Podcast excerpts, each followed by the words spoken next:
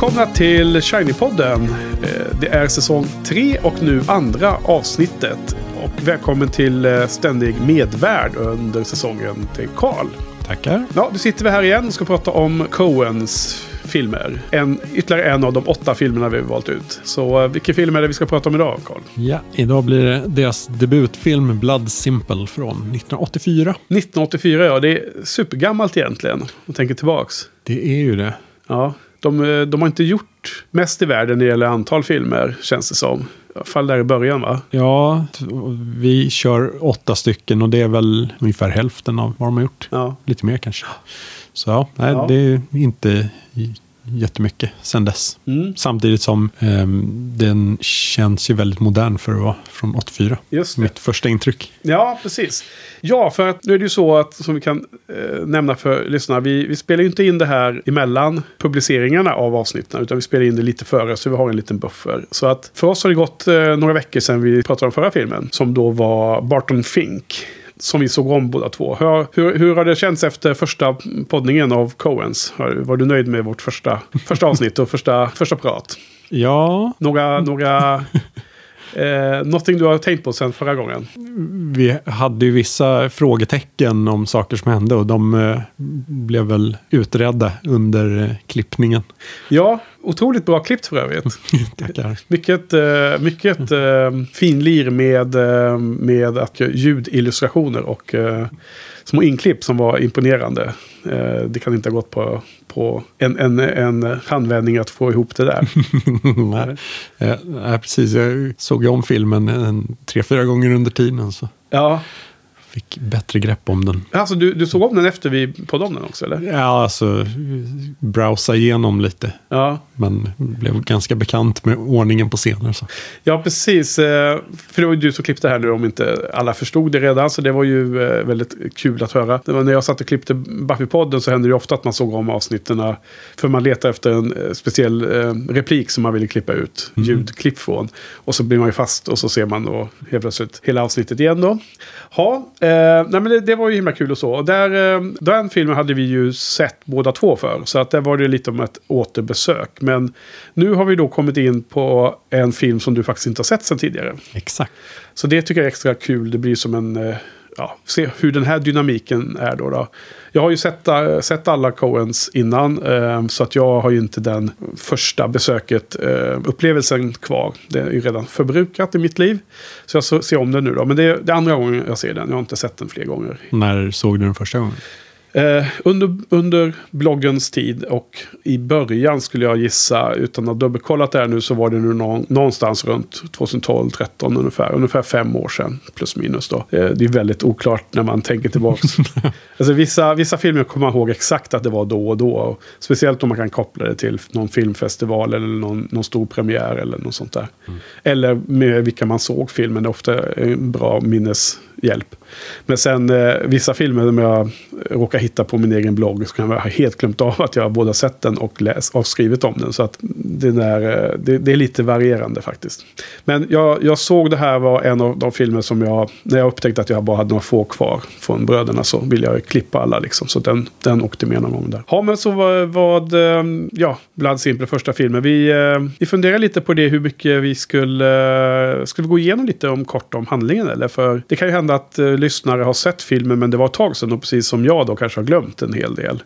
Ja, Som man, man kan göra ibland. Så, eh, för det är en väldigt komplex och lång in, invecklad historia det här va? Är det inte det? ja Eller? väldigt eh, enkel men eh, mm, genomtänkt kanske. Men eh, ja, eh, handlingen i kort är ju, det är, är ju en, eh, en neo-noir-film där Dan Hedaya spelar en barägare vars fru är otrogen Eh, med John Getz figur. Frun spelas av Frances McDormand. Den Hedaya blir sur över det där och beställer ett mord på dem av en eh, tveksam privatdetektiv som eh, lurar Hedaya att han har skjutit dem där och istället skjuter ihjäl honom. Vilket leder till lite förvirring. Eh, John Getz går dit, ser liket, tror att Francis McDormand har skjutit honom och så kör han iväg och begraver honom levande. Eftersom han visar sig att han inte riktigt var död. Ja.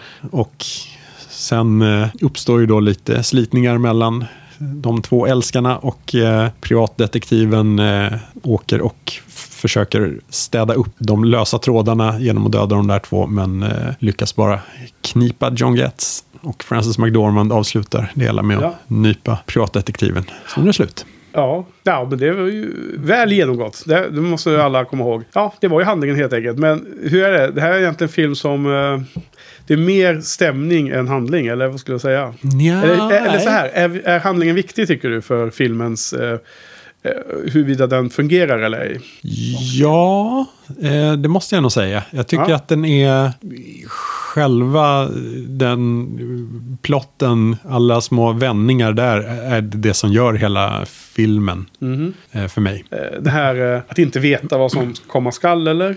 Ja, och de förvecklingarna som sker mellan de olika figurerna. Alla små detaljer som styr handlingen åt olika håll. Och Ja.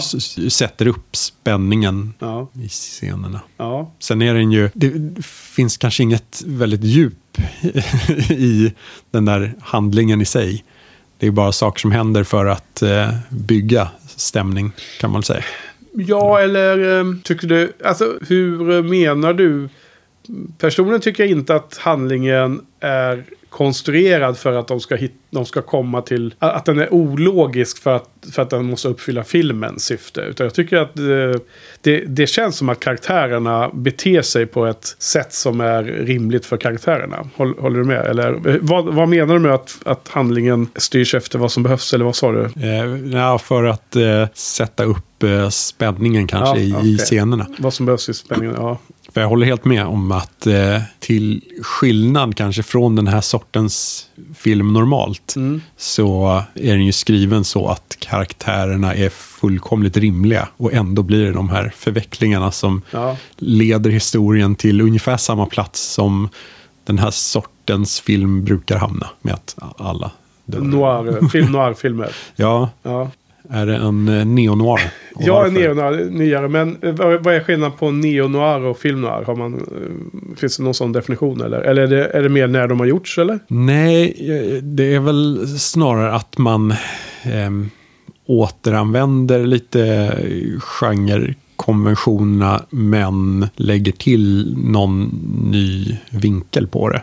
Just Så det. att det inte är exakt samma eh, underliggande. Man, man förändrar, man är lite subversiv när det gäller eh, genren va? Ja, För nu, nu jag ställde frågan men samtidigt så börjar jag tänka på när man pratar om neo-western. Då är det just för att man bryter mot westerns alla konventioner av den gamla, gamla slaget med hur är hjältar och hur är skurkar och hur, hur ska det vara liksom i den världen. Och sen de westerns som gjordes på sent 60-tal eller kanske 70-tal framförallt så ville de ju ofta gå emot de gamla eh, teorierna. Och det var väl det som kallas för neo-westerns va? ja precis. Som ingick i de här eh, The New eh, Hollywood eller vad det heter.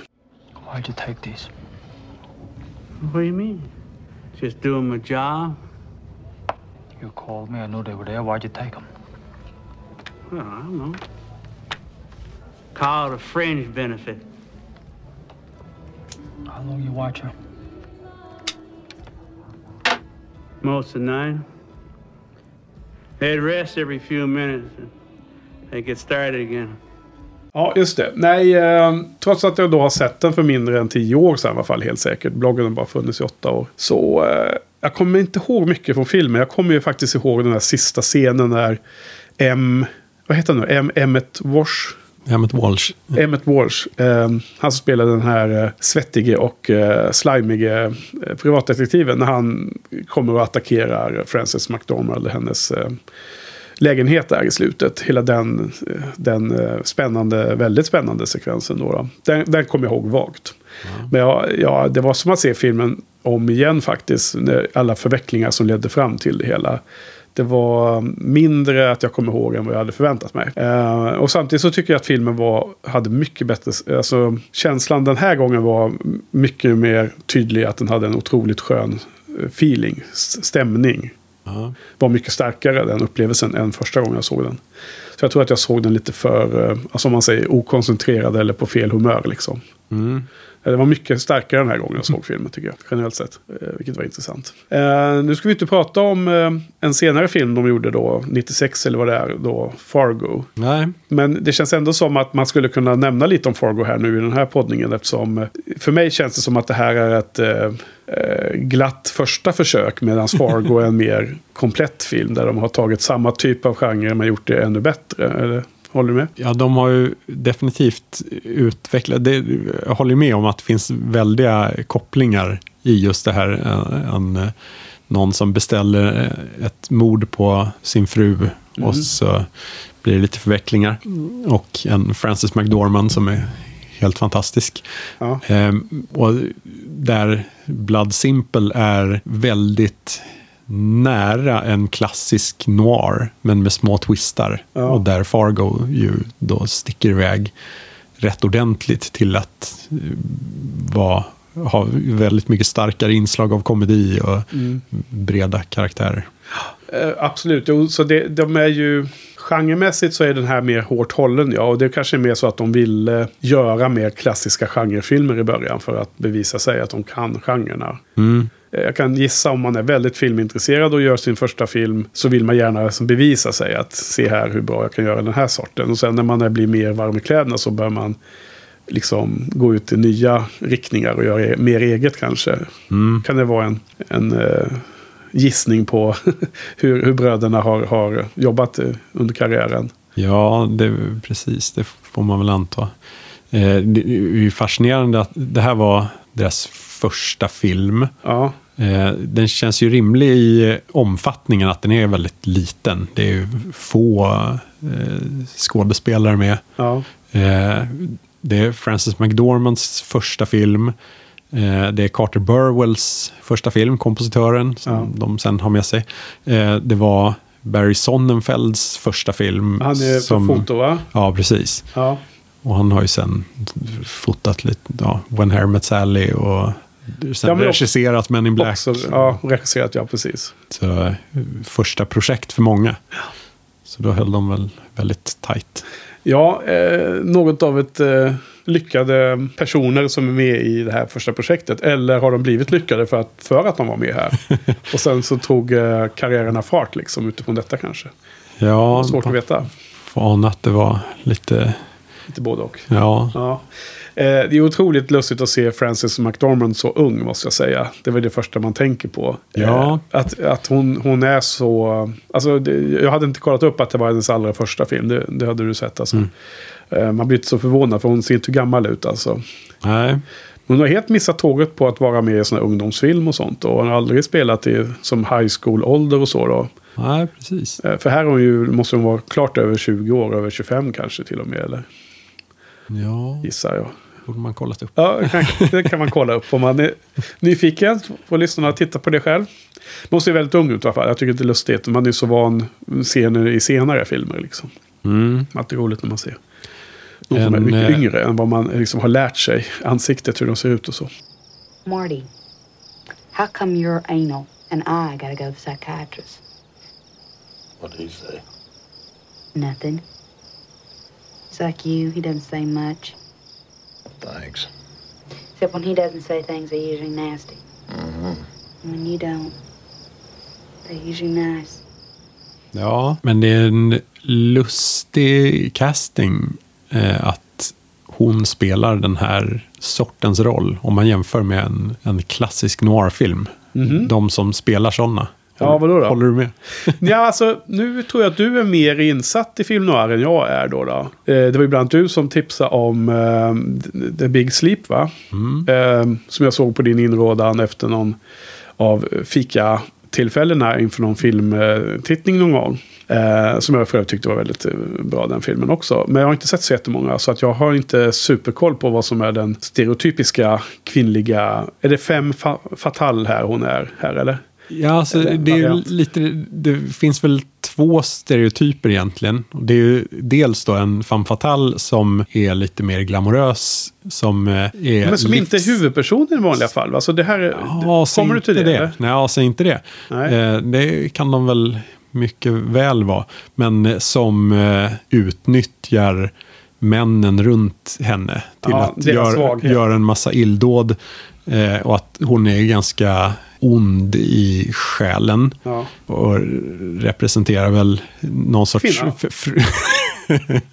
Mm, Ja. nå- en eh, en eh, efterkrigstidens eh, rädsla för att kvinnorna har gjort framsteg kanske. Okej, ja.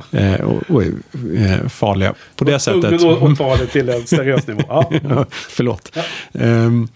Men sen har man ju då motsatsen, en eh, eh, välartad, eh, mer, jag vet inte om man ska säga undergiven, men en helylle kvinna som mer behöver räddas kanske av, Ja. eh, av de här männen. Och som är det goda alternativet. Just det, men kallar man henne då för femme fatale verkligen? Nej, verkligen inte. Men samtidigt så passar hon inte in i det andra facket heller. Nej. Eh, utan hon eh, är ju... Det, det, att den börjar med en scen där hon eh, är ihop med sin älskare och då är otrogen. Eh, det skulle ju vara ett tecken på att hon är en eh, förtappad femme fatale. Egentligen. Men det är ju egentligen det enda eh, moraliskt tveksamma hon gör under Ja, alltså, hela filmen. Jag, jag, jag, jag har inte sett henne som en femme fatale. Nej. För att jag har alltid haft i huvudet att det är någon slags en, en viktig roll i de filmerna men inte en huvudperson. Utan en roll som, är, som för handlingen framåt. Som förleder eh, någon att göra något. Jag menar, Double Indemnity är väl en klassiker där någon, det är en man som är huvudperson som, som blir liksom så att säga, eh, inte lurad men eh, blir eh, på något sätt påverkad av henne som gör att han ska utföra ett mord åt henne. Ja, Och så blir det tokigt allting och så slutar det med att den olyckliga går under då. ja. På grund av det han har blandat sig in i denna farliga, den här dödliga kvinnan då. Så det, det ser jag inte henne alls om då på den, den ursprungliga frågan. Eh, Nej, men, eh, man skulle kunna kanske eh, jämföra med The Postman Always Rings Twice. Den Just är väl bra. det. Där, Ehm, men där finns det ju massor med remakes och sånt va? Det är väl med Sybil Shepard eller? Eller nej, Jessica Lang. ja, precis. Är det? Ja. Du, jag kan blanda ihop dem, de två ganska ofta. Konstigt. Låter rimligt. Är det Jack Nicholson också? Ja. Ja, det har jag inte sett. Eh, och så finns det någon äldre variant va? Ja. Eh, vad- vilka, är det några kändisar där då eller? Nej, skitsamma. ja, det är... Mm, Oklart. Mm. ja, jag minns inte. Men hon är eh, väldigt bra där i alla fall. Och är den klart mest lysande stjärnan i den filmen. Är då den här, för där är det just en kvinna som eh, lurar dit en man eh, som hon blir ihop med och övertygar eh, honom att de ska slå ihjäl hennes man. Just det, hennes um, äkta make för Precis. att bli fri från honom. Ja, Eh, för det är någon inneboende eller något liknande hon får tag på där, eller vad är det? ja precis. De, ja. Så jag tror jag känner till storyn ganska väl. Men där är hon väldigt typisk en fem fatale. Precis, men väldigt mycket en, eh, en av huvudrollerna. Ja, okej. ja. Och som sagt, nej, jag är inte supersolid på den här definitionen här om man skulle gå och titta i eh, filmteorin. Men vilket fall som helst, åter till den här filmen. Vad, Ja, hur tolkar du första scenen? Du sa att hon åker med sin älskare. Jag, jag tolkar det som att hon, de är inte älskare när man, man träffar dem i bilen. Jag tror att hon eh, håller på att lämna sin man därför hon har haft andra älskare. Och det har ju också antytts eh, att hennes äkta ma- make har ju beställt den här övervakningen på henne för att han misstänker att det är någon annan. okej. Så jag tolkar det som att hon tar tillfället i akt när han, chauffören som är en anställd på baren, säger I have always liked you. Och då bara hon okej. knyter an till det direkt och sen så fångar hon in honom Ja, som ett bra tool här att använda sig av för att komma fri från sin man då. Så, så såg jag att det hände. Ja, okej. Men eh, de åker direkt och blir fotograferade. De blir fysiska, ja. Mm. Ja, precis. Så att hon är ju inte helt klockren. Alltså hon är inte helt eh, purvit i någon slags moraliska termer. Men det känns ju som i den här världen.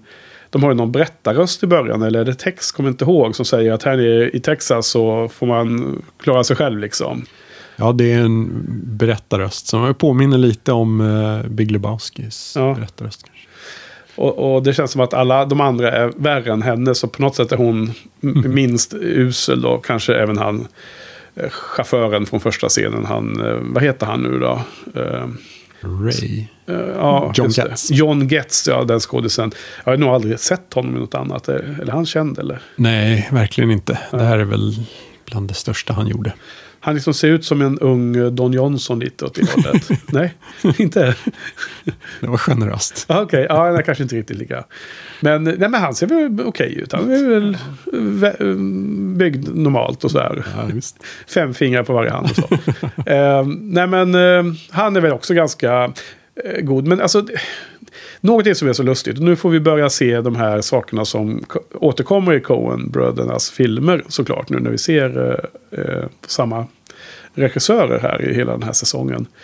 Att de alltid återkommer till de här korkade individerna. Ja, Eller är de inte det? De är väl de är så jäkla korkade allihopa i den här filmen. Det är ju ingen som är... Det, det, det är så många som är bara... Att vara lite mer rationell hade kunnat undvika typ allt som händer i hela filmen. ja, alltså, jag vet inte. What do you think? You're an idiot. So this won't, won't interest you, huh? I didn't say that. All I said was you're an idiot. Hell, you've been thinking about it for so much, it's driving you simple. I'll give you ten thousand dollars. De är, ja, de är lite eh, testosteronstinna kanske, de här snubbarna. För jag menar, det återkommer i Fargo. Det, det finns saker av det i många av deras filmer. Jag menar, även i No Country for, for Old Men så gör de ju liksom tokiga saker som leder till väldigt hemska resultat ofta. Ja, Och det är samma sak här. Jag menar, han, eh, Ray eller vad han nu hette då, när han liksom hittar den här eh, döda eh, chefen där. Så att han då ska ta på sig ansvaret att eh, liksom begrava honom och ha sig. ja, men det är väl eh, fullt rimligt. Ah, är det, Ja, är det enda, enda sättet att, att eh, typ rädda henne i det läget? Ja, kanske. ja, han får ju lite panik. Det jag inte riktigt förstod där var väl varför han inte slängde in chefen i den där bränn, förbrännare Ja, Eh, ja det funderar jag också på. Det, det kändes som att det var det som skulle ske. Ja, för han, precis. Det var ju planterat. Han åkte dit för att göra det och sen ångrade han sig. Jag förstod inte riktigt varför. Eh, vadå, han åkte dit? Eller? eller? Ja, men det är väl lite oklart varför han dök upp där. Du menar Ray, varför han dök upp där och när han dök upp. Men jag tänkte att han å- stoppa in chefen i bilen och sen åkte han väl... Nej, men vad han gjorde vid eh, förbränningsstationen som står på baksidan. Det var att han kastade sin jacka som var helt nedblodad. Och den handduken som han hade använt. Det var ju en ganska rolig scen när det var massa blod på golvet. Ja, Och då börjar han ta, ta sin sån här glansiga windbreaker som har sånt här vätskefrånstötande material. Liksom, som inte går att suga upp blod med det minsta. Du vet, eh, gnugga med den. Eh, Han fick inte upp blodet av den givetvis. Och den, den kastade han in där, så den för, förbrändes. det där är ju... Annars, filmen är ju inte riktigt lika rolig som många av deras senare. Nej. Men det är ju verkligen spår av den där svarta humorn. Ja. Just i sådana där scener. Det var lite lustigt, när man såg filmen så tyckte jag, åh, vad dåligt gjort här liksom. För nu ser man ju att han andas. Eh, Han, Dan Hedaya, Hadaya, vad heter han? Hedaya. Ja. Hedaya. Han var, och vad hette han i filmen? Det har jag glömt nu då. Men eh, han, eh, barägaren, han blir ju skjuten då av den här sliskiga eh, privatdeckaren. Sen ser man att han andas ju. Och då blir jag ju lite så här, ah vad dåligt liksom. Det borde de ju ha filmat bättre. Lade du märke till att han, låg an, att han satt där i stolen när det rann blod och allting? Att han andades hela tiden? ja. Ja. Och det har ju sin förklaring eftersom han var inte död. Ja. Utan han sen då levde när, när Ray skulle begrava honom. Vilket var en jäkla vidrig dödsscen egentligen alltså. Ja, riktigt. Ja, den skar sig lite med att den var ju väldigt obehaglig. Ja, det den var ju var- väldigt, väldigt grymt. Ja, ver verkligen, verkligen eh, jacka upp. Inte, alltså inte våldet i sig, för det kan ju typ Tarantino göra som en kul grej, våld. Mm även brutalt våld. Men här var liksom känslan i den, i den scenen gjorde att man blev liksom chockad mer. Ja, det är ju också för att vara en ganska blodig historia så håller den ju tillbaka på våldsyttringarna ganska mycket. Det är den där pistolen med tre skott i. Ja. Och det är ungefär det de har att jobba med. Och så den där kniven förstås. Som också Ja. används väldigt brutalt. Eh, Men det var också en sån där eh, kontinuitetsgrej som jag undrar lite på nu när jag såg filmen häromdagen. I, det är ju tre skott får man se att hon plockar fram i sin lilla ask ju, när hon har sin eh, pistol, Frances, Dormant. Ja. Och sen skjuts de minst två skott skjuts ju helt säkert. För dels sköt, sköts ju hennes man med ett skott och dels avfyras ett skott när han Ray eh, rå- råkar trampa på pistolen. Sen så skjuts det ju många, mer skott va? Eller? Nej, Är det bara ett skott kvar sen? ja. Men det, det konstiga är ju att han, eh, mannen där, när han begravs, han skjuter ju också med pistolen. Försöker Ja. rädda sig. Precis, och då klickar den. Så att då, då klickar den tre gånger då, eller?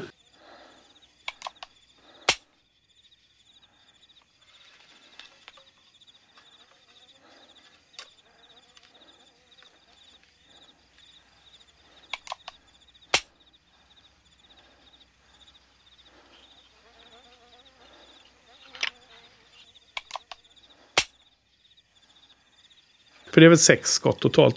Men de var ju i rad, så det är väl något konstigt här. Ja, precis. Att den eh, börjar i mitten. Det börjar med två, och sen tre blanka och sen en till då. Skulle det vara så det var? Ja. Och den skjuter hon. Det, hon har bara ett skott där i slutet i sin lägenhet. Det, det, det tänkte inte jag på då. Nej, och det, och det är himla snyggt. Eh, Ja, men borde jag. man inte veta det? Vore det inte mer spännande om man kände till att det var bara ett skott hon hade på sig? Jo, och ifall man eh, hänger med så vet man det. Okej. Ja, för det är ju så många gånger som den pistolen kan ha laddats igen. Så att det är inte så konstigt om det skulle vara fler skott i. Nej, men de utnyttjar verkligen Mm. det där i berättandet. Det är himla snyggt i efterhand. Eh, Men ja, eh, som film brukar funka så ska inte det spela så himla stor roll. Nej. Men som de skrev den här så var det viktigt att man vet att hon har ett skott på sig. Ja. Om man inte har lite så här tappat räkningen. För man hamnar ju lite där i eh, Dirty Harry-situationen. Ja. Att man vet inte, har hon några skott kvar? Missade jag att de brände tre skott tidigare? Det är för att när eh, Ray då, som vi nu har fått för oss att han heter. eh, John Getz var det han hette, skådisen va? Ja. När han sträcker sig fram och tar pistolen ur sitt offers hand. Då är nästa kula, nej, nästa skott blir med en kula då ju. Om inte hon försöker skjuta fler, jag minns inte. Nej, men, men enligt, eh, om det nu är så snyggt att det är de här sex skotten. Då är det ju att han, han försöker tre gånger, sen slutar han ju trycka på avtryckaren. För det var ju tomt tyckte han. Men då, då säger du att om det stämmer att det var bara de här sex skotten totalt sett i hela filmen. Då är det faktiskt en kula kvar då i det sista. Så då skulle han kunna skjutit Ray där genom handen och rakt upp i bröstet. Nära ögat. Ja, nej men det är ju fränt. Alltså, man, man, de är ju så bra. Bröderna Coen, det, det här är ju så himla bra första film om man säger så. Det finns ju säkert fler exempel på med suveräna första filmer. Men jag, menar, jag tror inte att det är det majoriteten av, de, av ens kända regissörer gör mästerverk som nummer ett. Va? Eller vad tror du? Nej, det kan jag inte tänka mig. Nej. Det måste ju vara väldigt sällsynt. Annars eh, kan man... Alltså, det finns väl säkert många exempel på mer one-hit wonders. Jo. Det är ju imponerande att börja på den här nivån och sen bli bättre. Ja, Det är ju galet. För det, det, det känns som att är en, man är i goda händer i hela filmen. Det känns ändå som att de får fram det som de har tänkt ut. Det är inte så att man känner att filmen är lite svajig här och där. Och att det är något man kan ha överseende med som det är första filmen och allt det här. Som man ser lite glada amatörförsök från filmfestivalen när de har fiskat upp någon American Independent. Som man då kan ha, se liksom med... eh, Man kan vara lite eh, överseende med vissa skavanker och ändå tycka att det var bra resultat. Då. Här känns det som att det är liksom en fullfjättrad film som har koll på allting. Det är min känsla. Håller helt med. Ja. Och då får man väl anta att de har järnkoll på de här kulorna. Då, då, så. så det är intressant där, sista scenen då. För eh, vi hoppar väl omkring i filmen antar jag. Vi ska inte gå igenom eh, scen för scen. Eh, hon har ju liksom mardrömmar om sin man. Och, eh, som hon vet är död. Men som hon ändå drömmer att han hemsöker henne ju. Ja. I en mardröm när man får se en sån sekvens. Och sen så tror ju hon att hon skjuter honom. Lustigt nog. Eller hon säger ju något Just det. eh, om det. Och, och hon skjuter ju innan han visar sig liksom. Ja. Så att har hon bara en kula så är det ju dåligt val av tid att skjuta på måfå genom en, en, en, en dörr. Jag skulle gärna låta honom stå där i, i motljuset som har exakt siluetten som man kan liksom sikta på rätt plats. Ja, ja. Eller vad tror du? Ehm, Hur, hur brukar du göra när du skjuter ihjäl folk? ja. det, det passar ändå väldigt fint. Ja. Och, och, och det är också en, en, en bild som sitter kvar lite när man har sett klart film det här. För att det är ju två horribla död, dödar, eller dödsögonblick tycker jag. Det här med han som begravs levande, skottskadad men ändå medveten, är ju fruktansvärt. Men även han, eh, privatdetektiven, när han liksom faller ner på golvet i, i badrummet. Och hur han liksom blir helt skräckslagen när han ser den här vattendroppen bildas på undersidan av eh, handfatet. Av kondensen. ja, Han ser en vattendroppe ja. som bildas och som snart ska ramla ner på dig. Och man, se- man ser att han, han ser skräckslagen ut och stålsätter sig. För allt det där sker ju medan han dör. Liksom. Så Ja. att det han, de fokuserar ju på den vattendroppen som, som bildas och faller ner. Och, så, och då är det bara eh, black screen så är ju filmen slut. ja. Men det är ju hans dödsångest som... Ja, det, det Som var är där. En, ett märkligt slut, men eh, fint. Ja, fint. på det sättet. Jag, jag, jag tyckte det var eh, väldigt stark scen därför den visar i bild på hur, eventuellt hur ångesten eller känslorna runt att uppleva sitt sista andedrag i livet kan se ut. Och de, de förmedlar den känslan på ett bra sätt. Ja. Så jag tycker det är otroligt starkt. Ja, fint. Ehm, jag tror inte att han är så rädd för vattendroppen. Han är Nej. rädd, för rädd för det som kommer ske samtidigt som vattendroppen når hans ansikte. Ja, tjusigt. Så det, Han hade fått utstå en del innan. Jag tror jag fortfarande var lite skärrad av det. ja. Ehm, hela när han väl fastnar med handen Mm. eh, med en kniv genom den på andra sidan väggen. Jobbig situation ja. för honom. Men eh, man hejar ju lite på henne Lite ändå va? ja, ja, det får man väl säga. Man tycker- men, men det är ändå en, eh, en lite så panikartad situation att Ja. sitta fast eh, sådär. Ja. Man har verkligen inga utvägar, även om man sen hittar en väg ut Ja. i, framåt. Eh, förvisso. Och samtidigt så får man en känsla av att han inte riktigt är orolig för att hon ska komma in och döda honom. Det hade varit en annan situation om det var två jämbördigt starka kombatanter. Alltså en annan brutal man då liksom som bara kunde gå runt till nästa lägenhet och slå ihjäl honom när han satt fast. Utan nu var det mer att han inte ville åka dit liksom eller bli ertappad och så var känslan. Eller hur? Ja, Eh, Att han också måste fimpa henne för att få tyst på vittnena liksom. ja precis.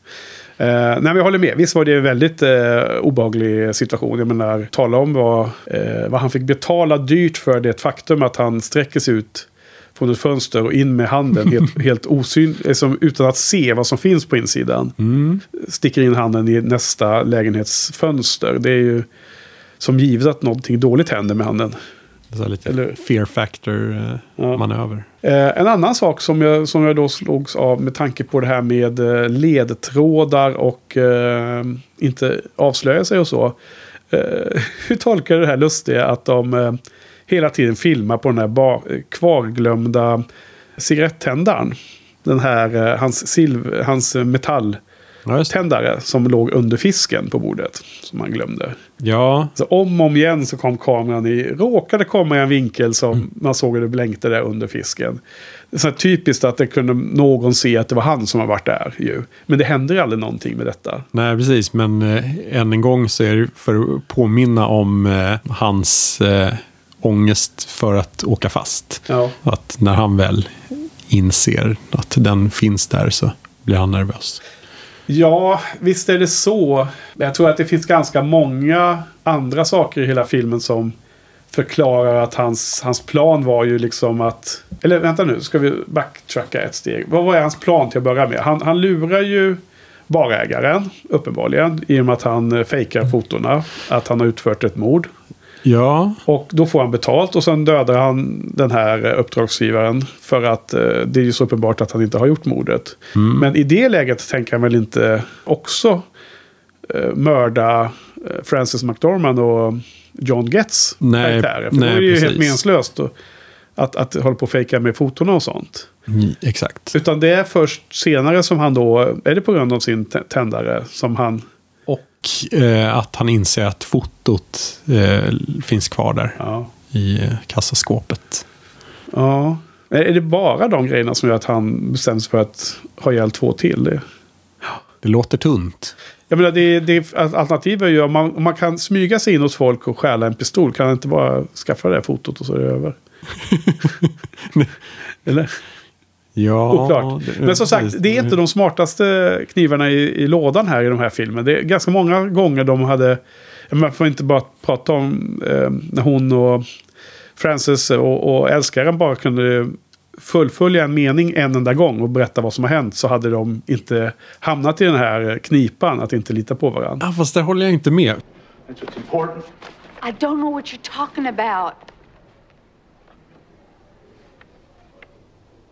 I mean, what are you talking about? I haven't done anything funny. What was that?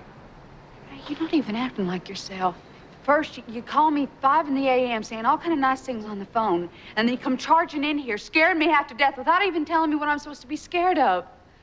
Det tyckte jag snarare var så himla välgjort. Att det inte var just det där vanliga missförståndet att de inte kommunicerar. Ja. Utan ja, men det var det ju här också. nej, Nej. absolut inte. Berätta, hur menar du? Eh, hon får ju till slut klarhet i vad som har hänt. Mm, nej, inte riktigt. Men hon misstänker att eh, han har gjort någonting dumt. Ja. Och hon förklarar ju att hon inte har gjort något heller.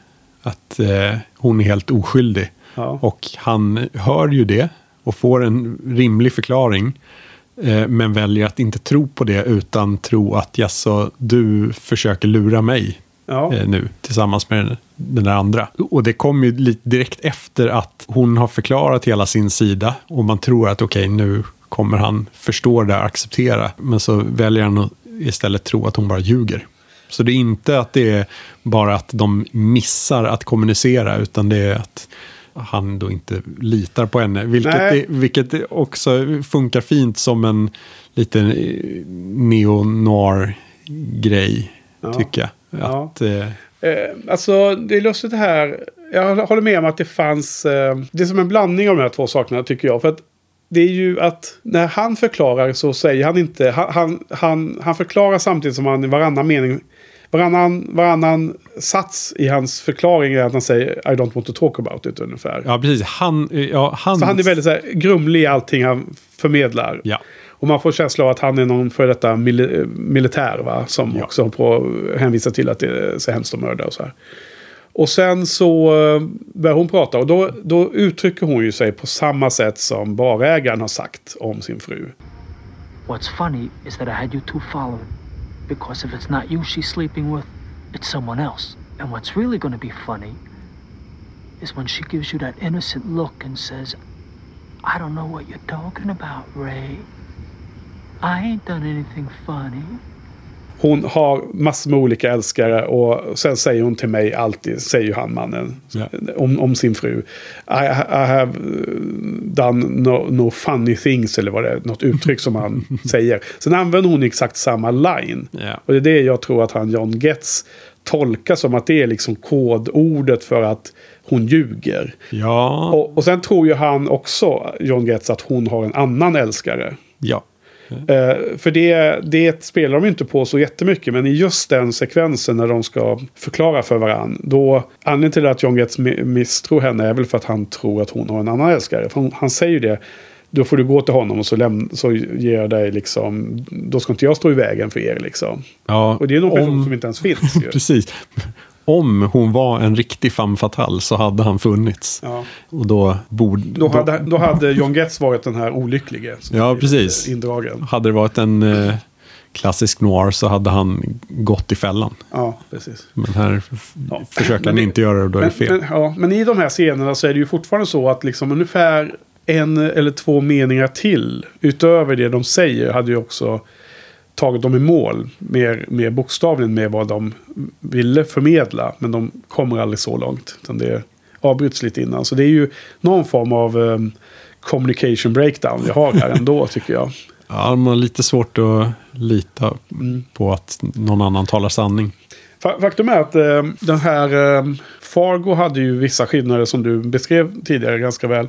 Men har du sett den här tv-serien Fargo då som bröderna Coen har varit producenter på tror jag. Men, men, men de inte gör mer. Bara första avsnittet. Ja, det är ju, eh, har gått ett antal säsonger och jag har väl sett två säsonger tror jag i alla fall. Där är det ju mycket likt Fargo men, men nackdelen med tv-serien jämfört med filmen är att karaktärerna är så ännu mer eh, överdrivna och ännu mer korkade. Än i Fargo till och med. De försöker, göra, de försöker ta det här quirkiga ett steg till känns det som i tv-serien. För att liksom antagligen få ha något nytt att komma till. Så att jag tycker på något sätt att det finns vissa moment i, i, i det här eländiga hur de inte riktigt kan hamna rätt här i Blood Simple. Som faktiskt mer känns igen med tv-serien Fargo än vad jag Jaha. med direkt koppling till Fargo. Ja. Men alla, alla tre är ju samma, på samma kontinent när det gäller filmgenre om man säger så. Typ av berättare, berättande. Det finns eh, vissa. Ja, men jag, jag kan i alla fall tycka att eh, filmen har otroligt skön stämning. Trots att jag då ofta kanske inte blir så superengagerad i när det är karaktärer som jag upplever som väldigt, väldigt korkade. Och det, det kände jag lite den här gången. Men sen är det möjligt att jag kanske feltolkar vissa av dem då. då. Men det, ja, jag vet inte. Det, det känns inte som att de är så himla Nej, det är väl solid. det är också något som är väldigt samma sak i Fargo är ju att det här är personer som absolut inte borde syssla med eh, tung brottslighet. Ja, För att de inte är tillräckligt luttrade. det, det, det känns som att de är bondläppar som inte är eh, skolade i att göra de här typen av saker. Precis, man kan väl lite se det som just en Texas eh, noir. Ja. Det är inte de eh, slipade personerna från Los Angeles utan här är bondläppar i Texas. Som är, i, egentligen ska ha uppgörelser på gatan. Ja, men vad, vad hette den där jättebra filmen som gick på filmfestivalen häromåret? Från eh, Texas. Två bröder som höll på och rånade banker. Precis, jag försökte minnas det tidigare idag på lunchen. Och Det, det, det var han Chris Pine, var inte han med Just det, där? Ja. Eh, Typ enda rollen som han är riktigt bra i, eller? För Han är väl den, den sämsta Chris av alla, alla Chrisarna. eh, det är han förvisso, men han är bra som Captain Kirk. Åh, ja, mm, ja. Och han var usel som Jack Ryan, kommer du ihåg det? I den här filmen. Inte sett. Nej, du vet. Ja. Eh, Tom Clancy. Eh, hur är det? Chris Hemsworth är bäst. Och sen har vi Chris... vad heter han? Pratt, eller? Ja. Och sen finns det en till. Chris... Jo, men... Eh, Captain America, vad heter han? Chris... Eh, Evans. Evans. Han är näst bäst. Och sen Chris Pratt och sen Chris Pine är sämst. Så är det va? Det är de fyra Chrisarna. ja. eh, hur kom vi in på honom? Jo, men den, den filmen, det finns också lite av det här eh, glada amatörer ute och gör, gör eh, Ja, precis. eh, olagligheter. Ja, där har man mer en modern västern. Det är, där hör, Mm. Hell or de- high water. Exakt. Ja. Så det, det är väl eh, den stilen de är lite mer hemma i. För Ja. de är väl hyfsat bra på det där trots allt. Ja, precis. Ja, det var lite annorlunda. Okej, men åter till här. Så, eh, precis. Vad var det mer? Måste jag kolla mina notes nu. Vissa små tjusiga detaljer. När eh, eh, Marty, som Dan Hedaya heter, Ja, men det var det han hette, ja. Precis. Eh. Du hade dina notes där, eller? jag hittar dem till slut. Ja. När han sitter där och blir eh, skjuten Ja. I sin lilla stol. Visst gick takfläkten i olika tempo för att eh, matcha rytmen i scenen. Det kändes väldigt ja. mycket så. Att när, när han satt och snackade just med privatdetektiven Ja. och det hettade till och han blev skjuten. Där snurrade fläkten eh, snabbare än när han sen blev hittad.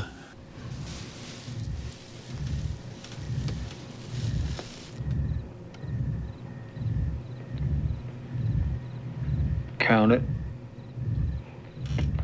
And go.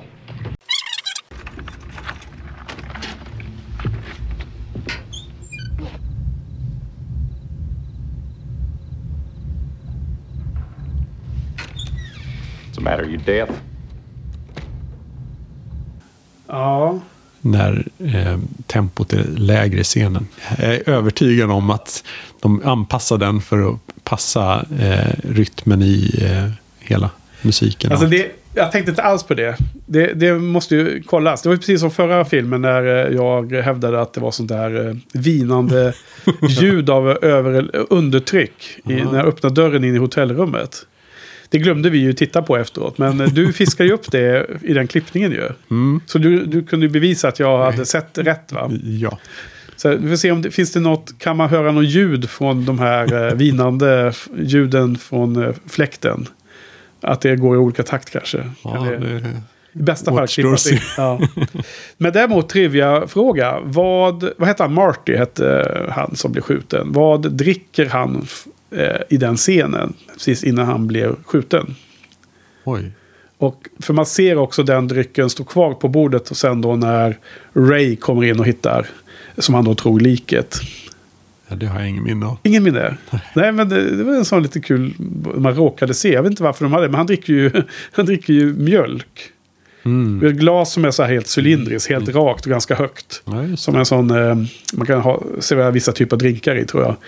En sån lite högt men väldigt Mm. smalt cylindriskt glas. highball. Highball. Ja, precis. Och sen har han en sån liten tetrapack med mjölk som står bredvid som han har hällt uppifrån. Ja, just det. Röd tror jag det var. eh, som röd mjölk om man säger så. Jaha, det, det, vad var det för betydelse? Han, var, han kanske var en sån här för detta alko alkohol, alkoholik. Mm. Ja. Skulle Kanske finns något. mjölk. Ja, men alltså, när, när- när filmen börjar eh, och eh, man ser att... Eh, men vad hette hon Frances McDormand? Vi måste ju komma Abby. ihåg. Vad sa du? Abby. Hette hon Abby? Mm. Det är sant. Jag har skrivit ner två det, gånger. Det känns inte alls... Okej, ja men det hette hon då. då. När hon och eh, Ray hade haft eh, sin natt och allt det där och, och de pratade om Marty då, då och att hon skulle rymma från honom eller ta sig fri eller vad det nu var hon uttryckte sig. Då fick man alltid en känsla av att han skulle vara en riktigt farlig person, riktigt så här otäck jäkel, riktigt så här dödlig. Mm. Men sen är han ju liksom, han är eh, inte alls, han, han är ju inte en kriminell ens, visar ju sig. Han, han är säkert en eh, otrevlig typ. Han är säkert en liksom, eh, ett, säkerligen ett svin liksom. Kan han mycket väl vara.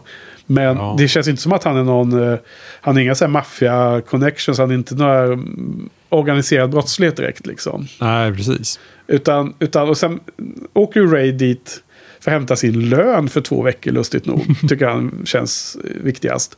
Eh, lever väl från lön till lön kanske, den typen av Ja. figur som man får en känsla av. Och, så han åker tillbaka till honom och, och sin Marty, hans boss, då vet om att Ray har varit otrogen med Martys fru och så vidare. Och då tänker man att det kan också ha varit en väldigt explosiv och våldsam scen. Men där är det ju som de bara pratar och är sura på varandra. Liksom. Och den ena vill ha lön och andra vill att du ska inte hålla på och sätta på min fru. Liksom. Ja, så att på något sätt så tycker jag att de säljer in den här Marty i stämningen och i vad de säger i filmen tidigt som att det levereras inte riktigt. Och nu menar jag inte det som en negativ sak faktiskt, utan det bara med att det, det fördjupar den här eh, stämningen att alla är, liksom, ingen är långt ut på skalan på någonting liksom.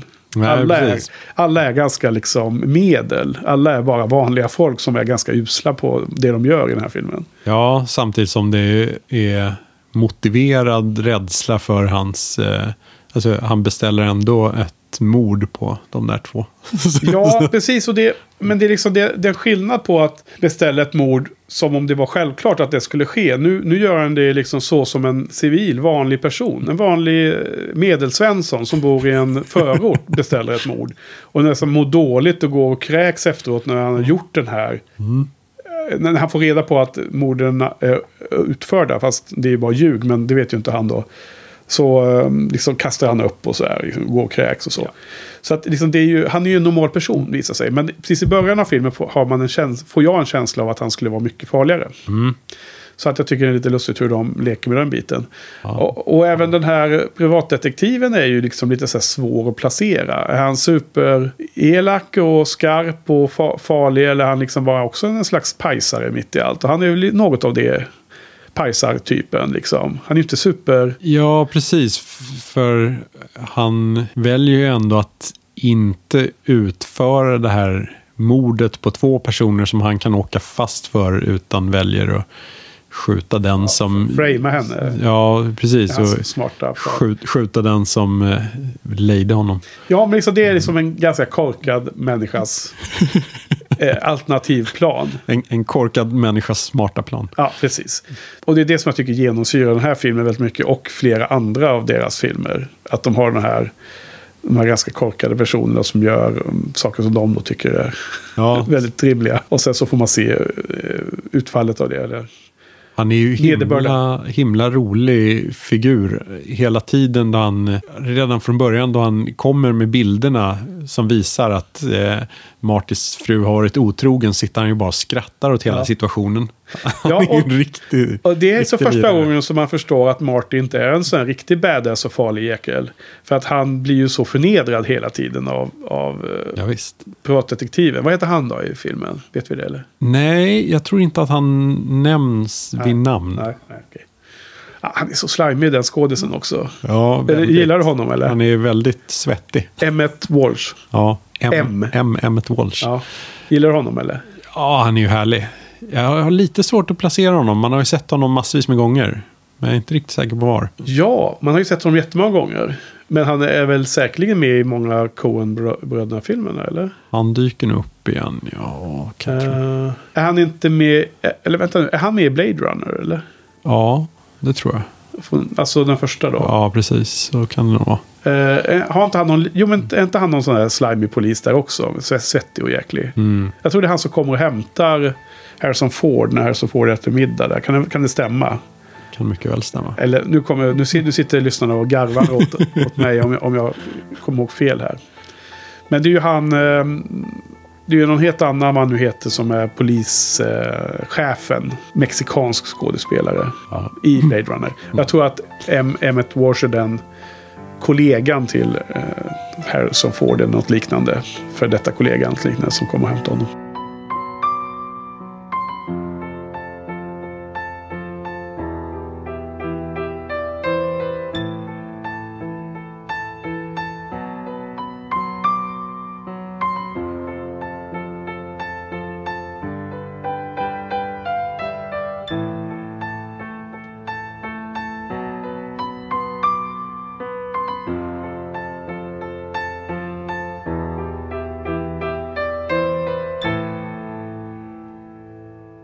Du nämnde någonting om, det finns en människa som gjorde musiken, vad hette den mannen? Carter Burwell. Eh, Det, det är något känt namn. Du, du, det, du pratar alltid om honom som om det är jättekänt, eller? Han har ju gjort musiken till de flesta av Coen-brödernas filmer. Ja. Och den är ju normalt väldigt bra. Ja. Eh, och väldigt skiftande.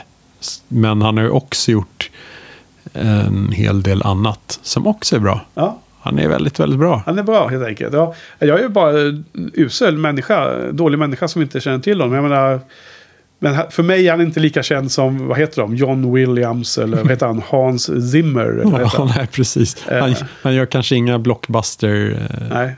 Komposition. Han har mer, han har mer fin lir. Vilket fall som helst så, så jättebra musik i den här filmen. Håller ja, jag med om. Och, eh, och det antar jag att du också tycker då. Som, som, ja, som en väldigt fin liten eh, sorgsen eh, pianoslinga. Exakt, det var den jag lade märke till. Den är ju liksom sensationellt bra faktiskt. Den Ja. måste vi ha med i eh, poddavsnitten nå- någonstans. Lite här och där, ja. Eh, du vet den där eh, ljuvligt eh, melankoliska eh, slingan som finns i True Romance? Nej. Nej, okej. Men det är en annan sån liknande, så, så tydlig liksom. Den, den sätter direkt en, eh, en stämning och känns väldigt så här... Ut, när den kommer så är det väldigt tydligt liksom. Eh, Jag tyckte det var väldigt bra här i alla fall. Så den, den, den vill vi höra på, på podden.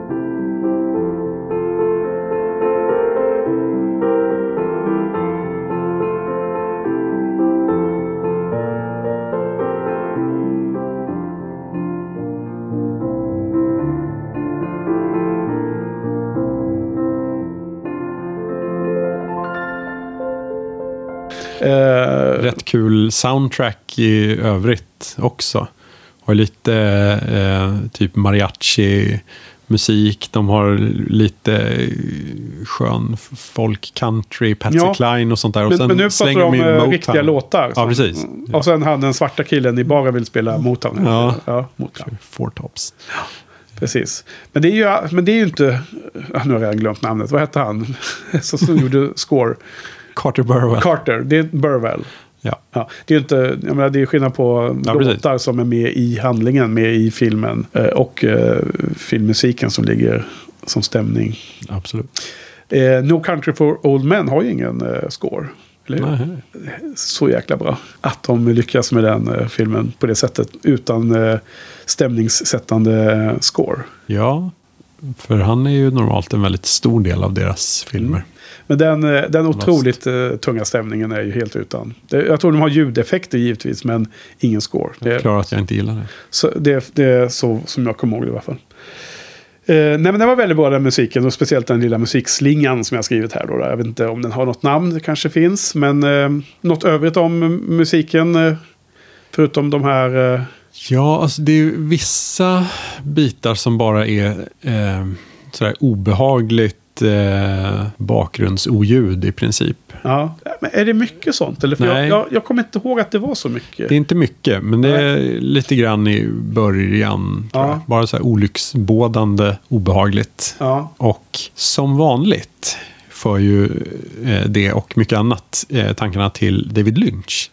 ja för det var det jag skulle, jag skulle komma till också. Ja, för det var ju massvis med bitar. Den känns väldigt eh, nära Lost Highway. Ja. Eller hur? Alltså det är ju det här eh, vin, vinkeln ifrån bilen och titta framåt mot vägen. Och se de här väg, eh, vad heter märkena, mm, strecken. Ja, precis. Vad heter Nat- det? nat- nattkörning med strålkastare på. Ja, och asfalten och sen mittenstrecken som Ja. avdelar. Eh, det är ju Lost Highway, det måste man bara tagit rakt av. Ja, Eh, För när kom den? då? när Lost Highway kom 97. Ja, precis. Det är ju långt, Något. långt efter. Långt efter, men de ser väldigt snarlika ut. Ja, men, Just det, att den här kom 84 tyckte jag var galet.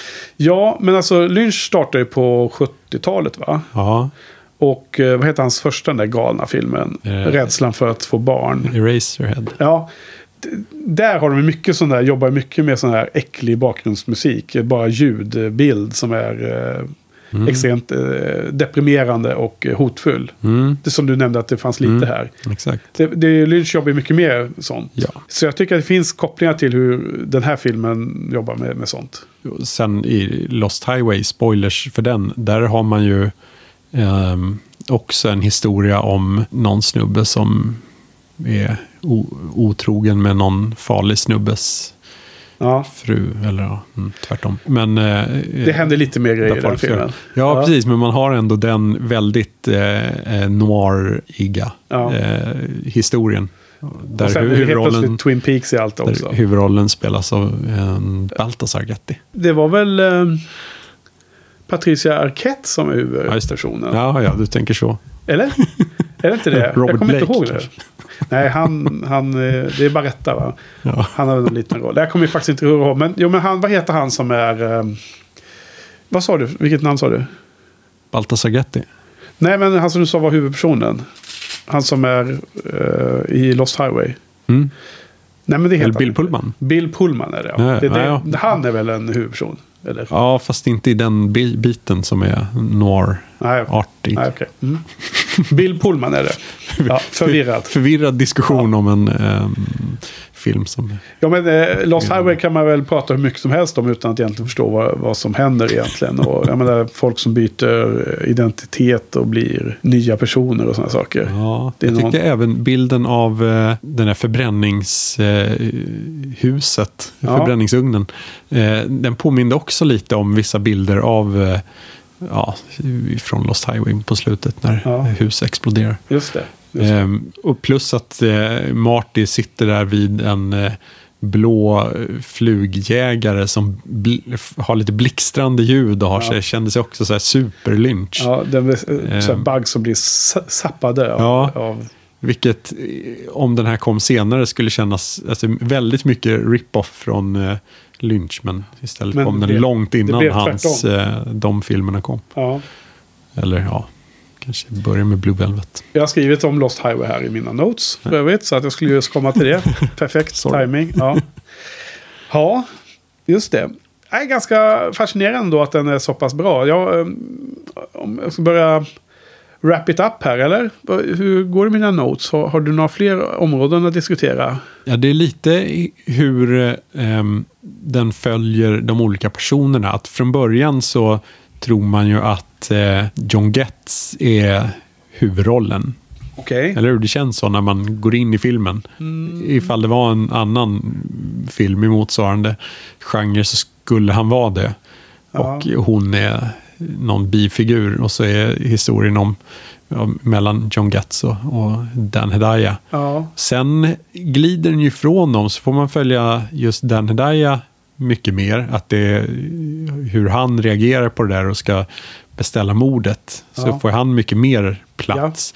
Och är absolut ingen liten bifigur. Nej. Och sen skiftar den ju vidare till eh, privatdetektiven. Ja. Och det, man får följa hans öden och äventyr ganska mycket. Och då lämnar man lite John Getz och Francis McDormand eh, till att de är bifigurer i en liten stund i några scener. ja. Och sen glider den tillbaka och så är det ju hon som är huvudperson till slut. Jo, men ja, nej, men så är det. Snygg väl. glidning Ja. mellan dem. Ja, nej, det var inget jag tänkte på direkt. Jag, nu, nu blir jag också satt jag och funderade på din första fråga. Eh, det är klart att om man är skolad inom film noir kanske man direkt tänker att det är han eh, Ray då från första scenen som man ska följa. Men jag eh, har inte den eh, bakgrunden plus att jag känner ju till eh, Coen Brothers. Eh, även om jag inte har sett även, uh, även att tänka bort att jag har sett filmen en gång. Så är, är ju också Frances McDormand så kopplad till deras filmer. Så jag tycker man direkt ser att det är hon det handlar om. Bara, bara för att det är Coens. Ja, ja. Sen hur man hade tänkt Rimligt. om man sett filmen 84 då, liksom, som jag inte gjorde då. När hon var Helt okänd då, ja. okänd. Men, men förstår vad jag menar? Nu blir det liksom... Ja. För att jag kommer verkligen inte ihåg exakt hur alla turerna var. För att jag visste att det var en, den här eh, spänningsscenen i slutet. Då jag hade något vagt minne av. Men liksom, det blir, man blir väldigt så här. Ja, där är hon liksom. Mm. Hon är gift med, vem är det? Ethan eller? Eh, Joel. Ja, det är nog Joel va? Ja, det är Jo- Joel eller Ethan. De gifte sig eh, samma år, 84. Alltså, gjorde de? Ja. ja. Håller det inom familjen, film, filmningarna sen då. Hon har varit med många gånger. Ja, ehm, det kanske var ett filmiskt grepp som de ville få fram. Jag vet inte om det har någon djupare mening än att det bara är olika kapitel i historien så att säga. Ja, men där har man ju lite även eh, No Country for Old Men till exempel. Ja, det, fast det är nästan ännu tydligare skulle jag vilja säga. Ja, precis. Vissa personer bara försvinner under långa delar. Ja, Helt. Ja. Och eh, den här filmen är ju inte jättelång. Den är drygt 90 minuter, va? 95 eller något sånt där. Kan det stämma? ja ungefär. Ja, jag tänker mig att eh, No Country är nog lätt över två timmar skulle jag gissa. Ja. Mm. ja, den här är väldigt tight. Tydligen kom en Directors Cut som trimmade den ytterligare 3-4 minuter. Jaså, någonting. åt det hållet. De vill ha den ännu kortare. Ja. Ja, Eh, ja okej. Ja, nej men vad, vad tycker du om filmen då? Eller har du mer notes nu? De har några små grepp ändå som jag tycker eh, kan kännas som lite sådär första films eh, Okej. eh, dumheter. Eh, dels ett par konstiga eh, point of view shots eh, där kameran eh, nästan ser ut att vara eh, fast på en hund eller något som störtar mot personerna. Okej. Det är dels när eh, ehm, privatdetektiven går in i huset va? så kommer kameran störtande mot honom Ja. inifrån någonstans. Utan att det är någon som... Ja, som precis. gör den det finns rörelsen. inget där. Och sen Nej. samma när de går ut, tror jag, någonting på gräsmattan så kommer kameran flygande mot dem. Ja. Eh, konstiga. Passar inte in i Nej. resten. Väldigt märkligt varför man skulle vilja ha så. Ja. Sen var det ju något på slutet när Abby kollar på kassaskåpet eller någonting. Va? Och sen faller hon baklänges och landar i sin säng Just det. på huvudkudden. De gör ett klipp där för, för att visa att hon har flyttat sig också Ja. fysiskt i... Det var ju himla, snyggt, himla snyggt gjort, men varför. Ja, precis. verkligen bara Det måste pröva de infall. här sakerna man lärde sig i filmskolan. Liksom. Precis. Ja. Så fyllde ingen... Nej, men jag håller med. Det, det är lite udda. Det finns ju sådana ibland när man ser eh, här konstiga handgrepp som, speciellt om det har varit något tidigt då, som, eh, som inte alls passar in. Ja, Ja, för annars är den ju så himla tajt eh, eh, välskriven. Men sen, Ja. just, Ja, och samtidigt, jag, jag, jag kommer ihåg dem nu när du nämner dem, men det var ingenting som jag faktiskt direkt störde mig på. För att det, i övrigt är det så himla mycket som är tajt. Så att, men jag håller ju helt med din, din analys här. Att de, det, det känns ju ganska onödigt, ja. Helt klart. Något annat som vi måste nämna är ju att eh, Zhang Yimou gjorde en remake på den här 2009. Vem är det? Eh, han har gjort Hero och eh, OS-invigningen i Peking. Okej. Eh, stor regissör. Ja. Han gjorde en film som heter A Woman, A Gun and a Noodle Shop. Okej. Eh, som då är en remake på den här. Utspelar sig i Kina någonstans. Om någon eh, restaurangägare mitt ute i öknen i princip. Ute i bergen någonstans.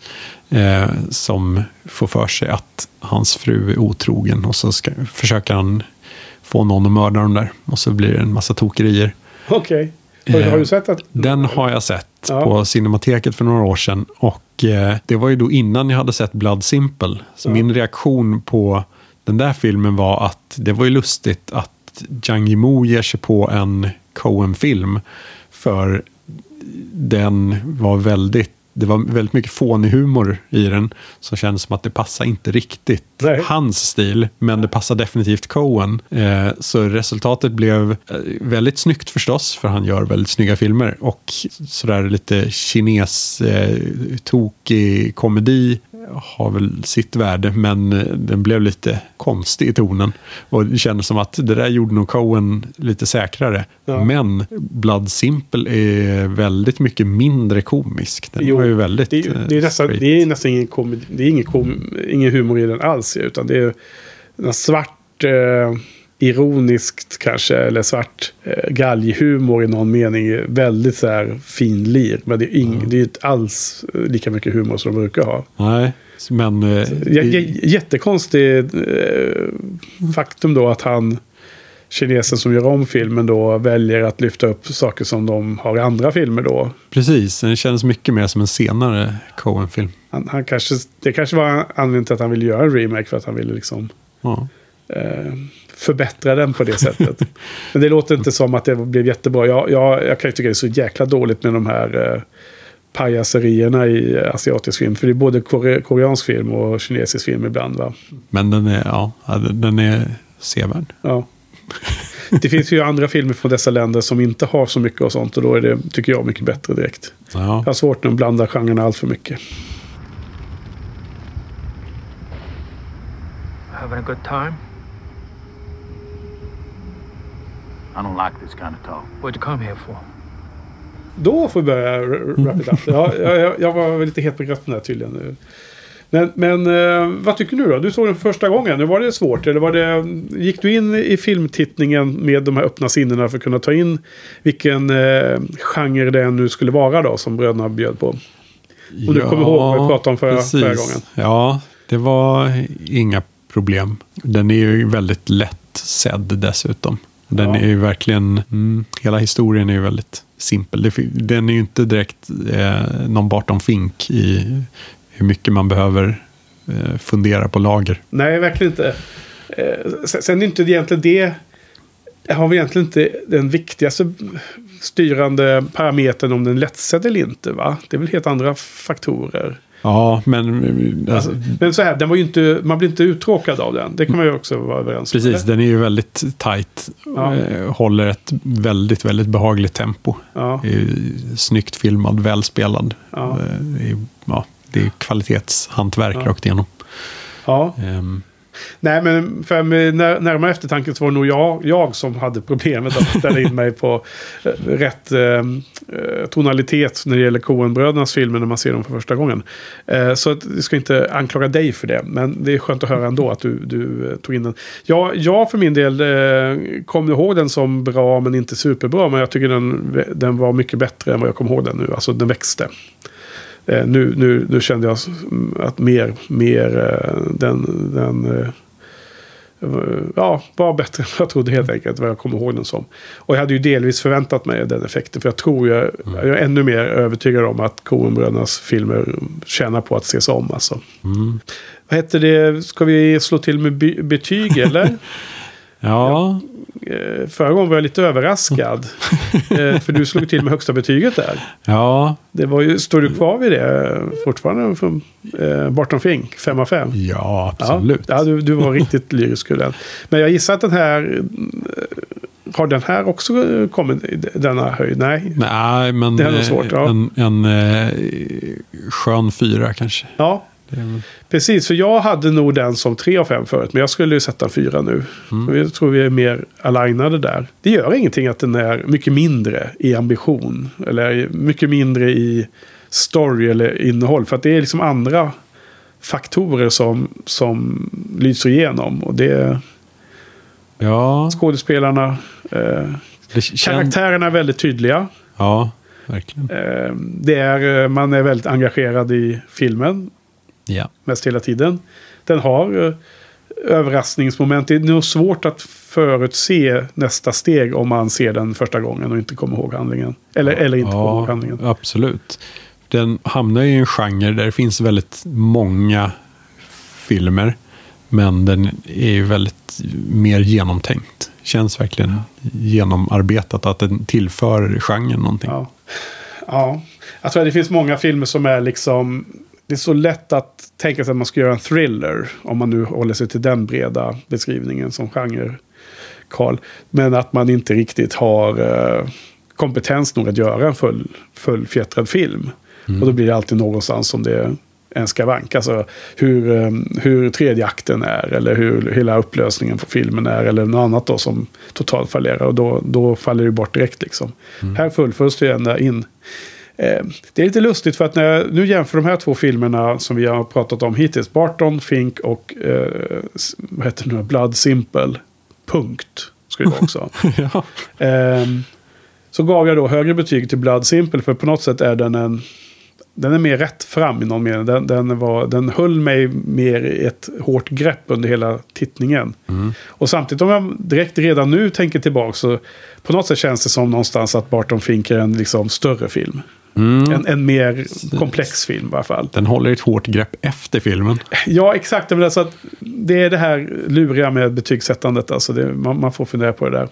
Och det, det, är, det kanske är så att eh, man kan spekulera i att Barton Fink är en film som man kanske kan se fler gånger i sitt liv. Och den här kanske räcker med några gånger, om man säger så. Den, den liksom slutar att ge extra info eh, ti- tidigare. Den här lite mer simplare filmen. Ja, men jättekul. Du, eh, då ska vi se. Nästa vecka då har vi ju en ny film. Och nu har jag helt glömt av vad det är för någon film vi ska se nästa gång. Ja, då studsar vi ända fram till 2010 och eh, ser västen Wow! True Grit. Är det sant? Vad kul. Remake. Ja, det blir spännande. För den har jag ju verkligen eh, tänkt att jag skulle se om just. Eh, frågan är om man skulle klippa den där originalfilmen John Wayne. Tror du att det skulle en kul grej att ha sett båda eller? Det vore nog eh, värdefullt. För att kunna prata om Coen-brödernas remake på ett mer relevant sätt. Ja, Men ska vi, göra, ska vi försöka ha den ambitionen eller? Man har sett båda. ja, det är en bra målsättning. Ja, och ehm, då får lyssnarna veta att nästa film är True Grit. Och, åtminstone ser Coen-brödernas version. Ja, Men det finns en, vad är det, 60-tal någon gång? ja det lär det väl vara. Eh, True Grit, samma namn med John Wayne och vilka det nu är. Ja, John Wayne, det räcker ju. Han är ju, han är ju kung. Så det, det är alltid bra. ja jag tänkte Eller- lite tvärtom. Men ja. Det är inte alltid bra, men det är alltid värt att se, så ska jag säga. Alltså det kan vara varierande kvalitet på hans filmer också, som, som, såklart. Men han är... Ja, men jag, är- jag, jag är stort fan. Alltså det är alltid värt att se John Wayne, tycker jag. Eh, vad kul, va? men det blir roligt. Det blir en helt annan grej då. Men eh, när ska vi tillbaka? När ska vi se Millers Crossing och dem då? Det är långt bort. Det är långt bort. Okej, okej. Vi får vänta. Ja, eh, och eh, True Grit har du sett förut, antar jag? Ja, Gissar jag. Och det har jag också sett. Jag har sett den en gång och- och på bio. samma här. Eh, eventuellt var vi kanske ute... Nej, det är 2010. Det var Precis. precis när bloggen började. Ja. Okej då, men eh, då är vi klara för idag då, eller? Det är vi. Då får vi säga tack till lyssnarna för att ni har lyssnat och så återkommer vi om en vecka. Så tack Karl. Tack Henke. Tack Jas. tack för oss.